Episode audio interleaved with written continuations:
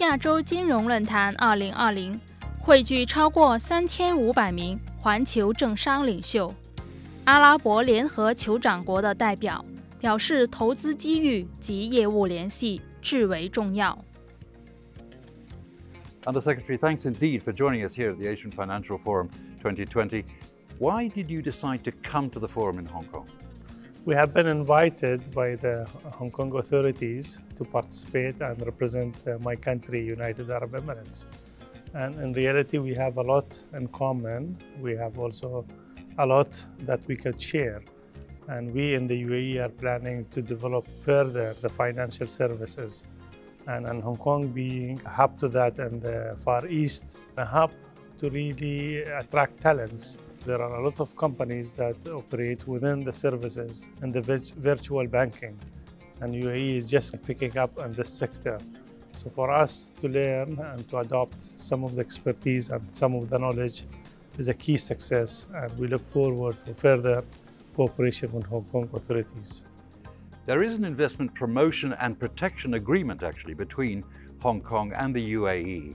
To what extent is this actually encouraging investment from the UAE through Hong Kong for the Asian region? Investors are very well protected from uh, the legal perspective and, and enhances a lot of cooperation in terms of flow of capital as well as attracting further. And we have seen a lot of investors coming to the east, uh, in particular through uh, Hong Kong itself. Uh, we feel that this treaty really enhances the cooperation further. Uh, we have seen one of the sovereign wealth fund opening up their offices in Hong Kong, and we encourage the private sector to capitalize on this treaty as well.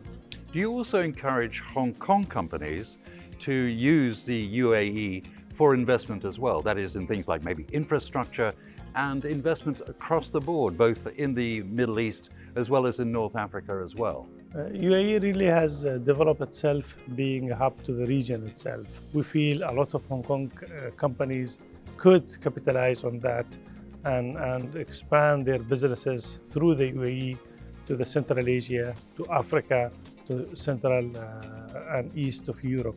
How important is the Belt and Road Initiative in linking actually uh, the UAE with Hong Kong? Because both places are central really to this big initiative. In today's world, uh, we plan to, to capitalize on this initiative in terms of UAE being a logistical hub to the region. And, and UAE has an FDI law that allows 100% ownership of the foreigners. And, and we feel that uh, UAE is very well uh, equipped in terms of the infrastructure, in terms of the, the port facilities, in terms of the logistical center. How do you view uh, the AFF 2020? I mean, is this good for things like um, leadership, for corporate leadership, and entrepreneurship and investment? We have seen a lot of startup companies. Uh, I have seen a lot of uh, business engaging with these uh, startups. I have seen a lot of fund managers who are here to capitalize on the, the talented and the brain of the community itself. I think this is a real platform that connects the business with the tal- talented people. So it's a great place for networking in particular. Excellent, yes.